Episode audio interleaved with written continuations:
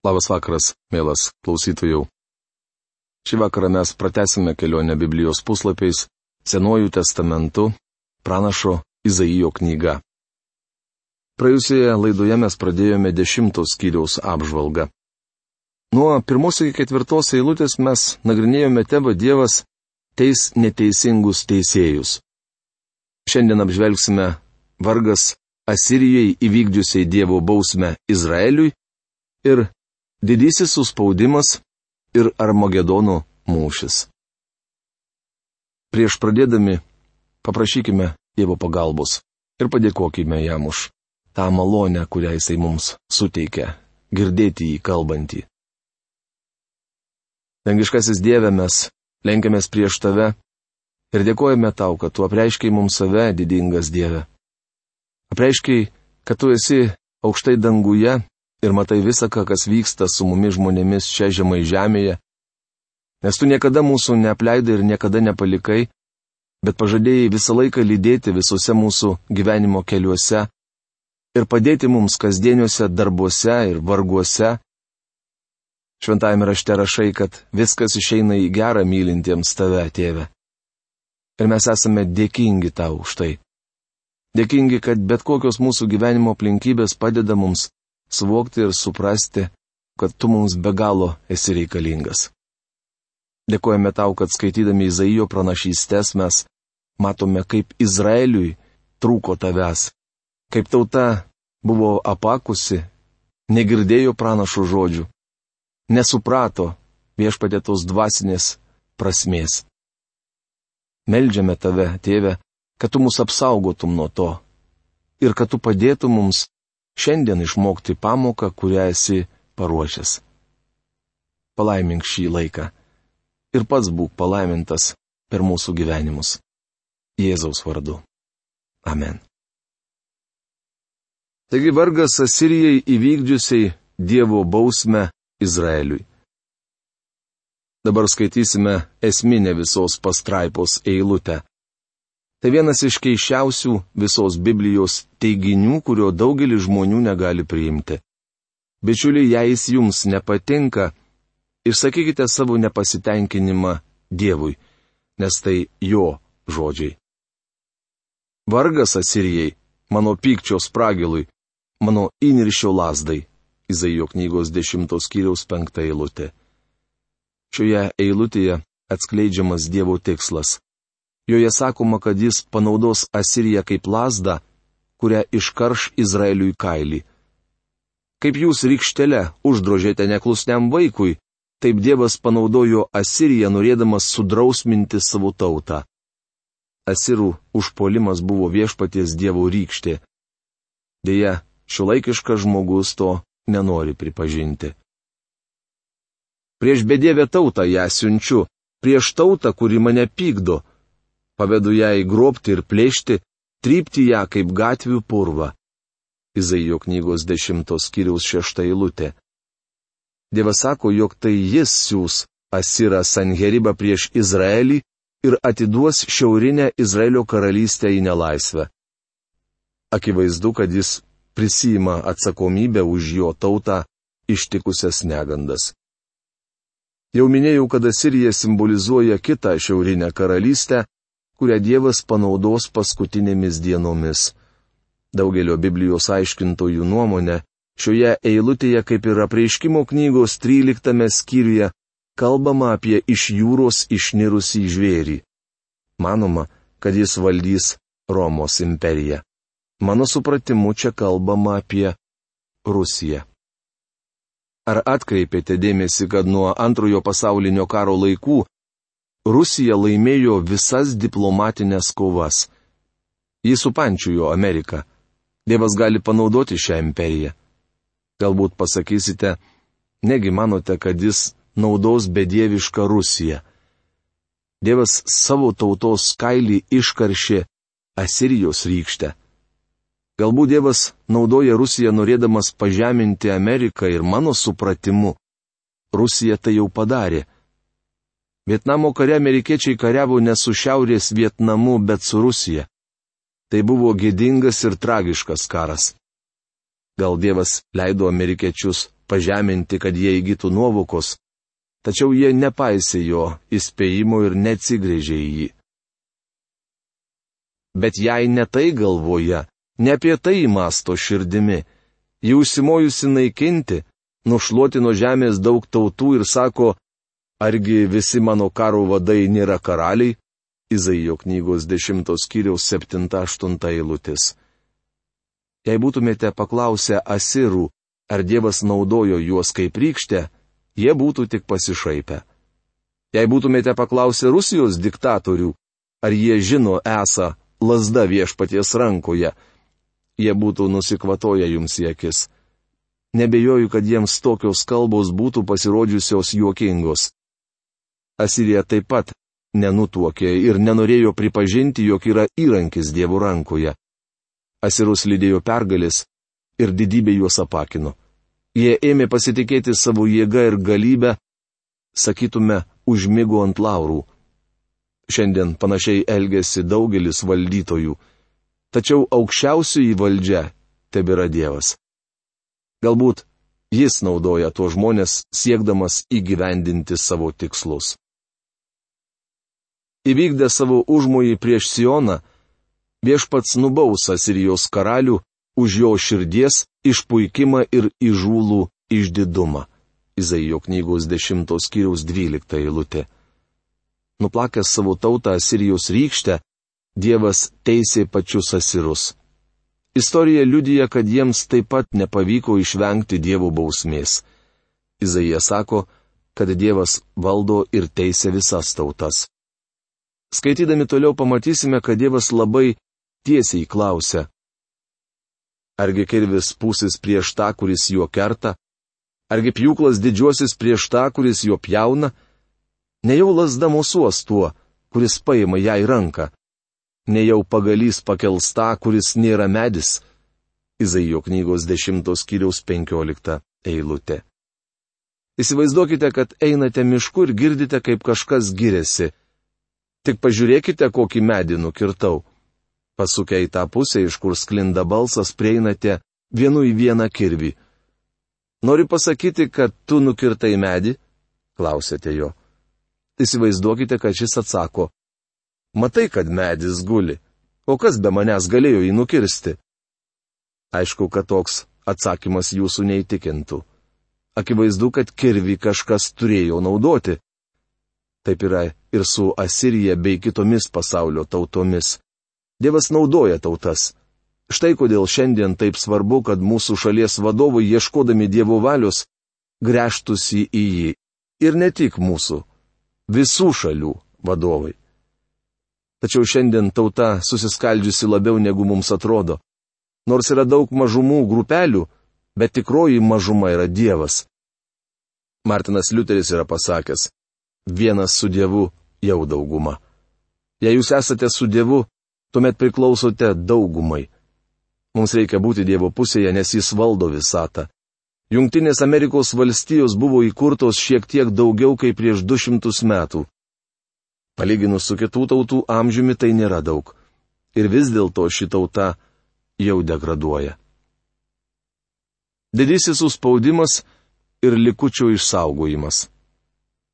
Toliau Izaijas pranašauja apie žydų likutį, ištversiantį didžiojo suspaudimo laikotarpį. Ta diena Izraelio likutis ir Jokūbo namų bėgliai nebesikliausta tauta, kuri jų vos nesunaikino, bet sudės viltis į viešpatį Izraelio šventąjį. Izaijo knygos 10 skyriaus 20 eilutė. Šia eilutė mus nukelia į tą dieną. Kaip jau minėjome, ta diena yra viešpaties diena prasidėsianti didžiojo suspaudimo laikotarpiu. Todėl viešpats galybių dievas ir sako, o mano tauta, kuri gyveni Sione, nebijok, Siro, nors muša jis tave spragilu, kelia prieš tave lasdą, kaip kadaise darė Egiptas. Izaijo knygos 10 skyriaus 24 eilutė.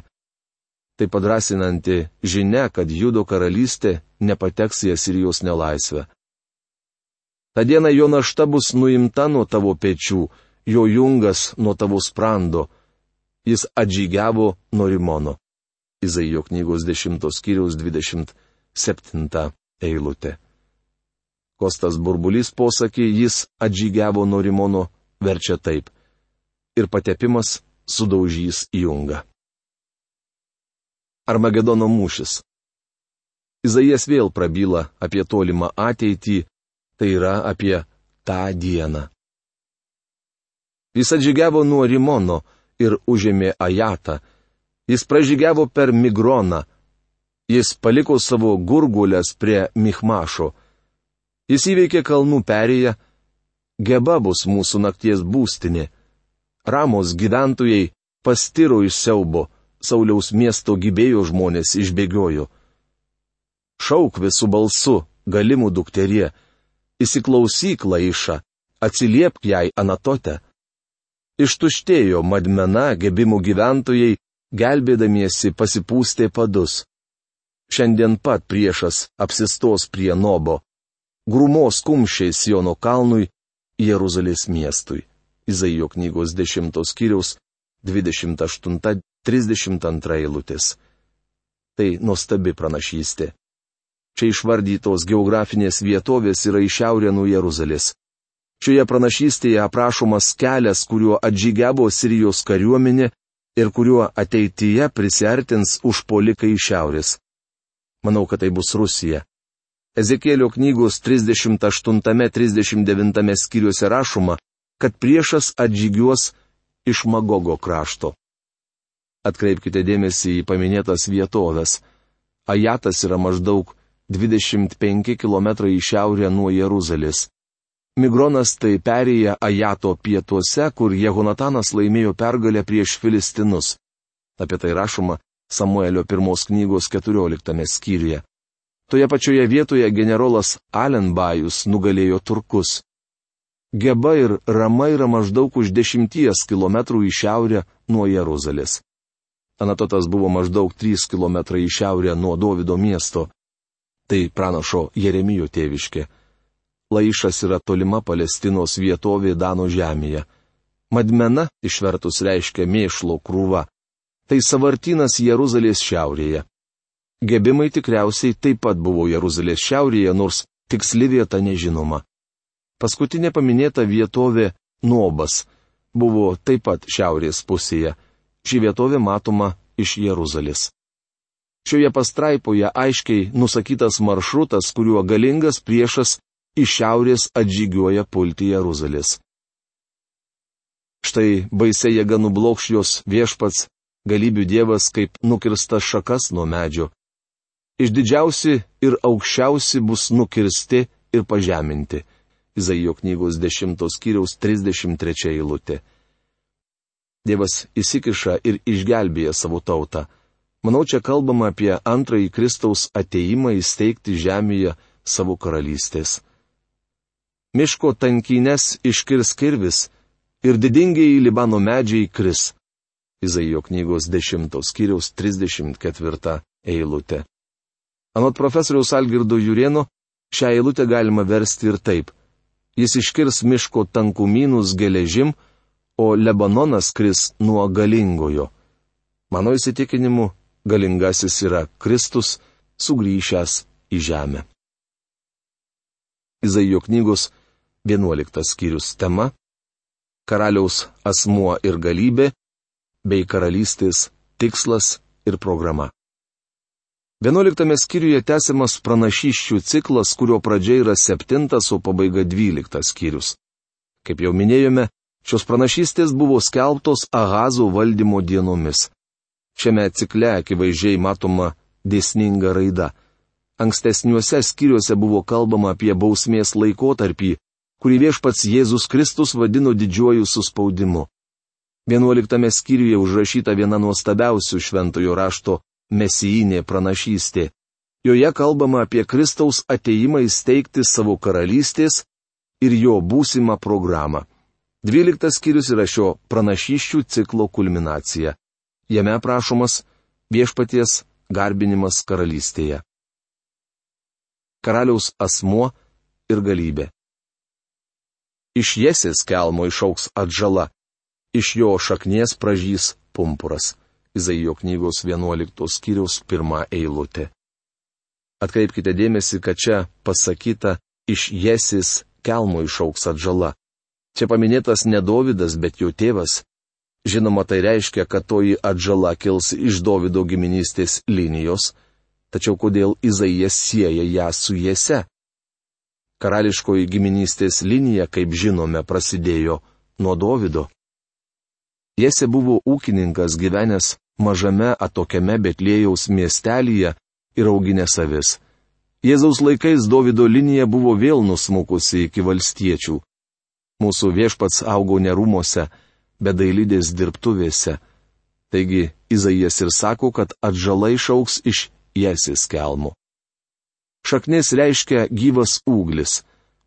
Net 18 hebrajiškų žodžių į lietuvių kalbą verčiama šaknis arba atžala. Tai vienas iš viešpatės Jėzaus Kristaus apibūdinimų.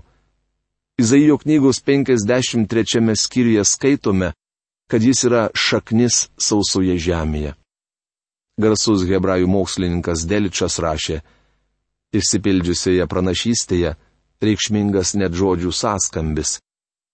Kuklioji Negdzer, tai yra atžala, buvo neturtingas nazarietis, Apie tai rašoma Evangelijos pagal Mat antros kiriaus 23 eilutėje.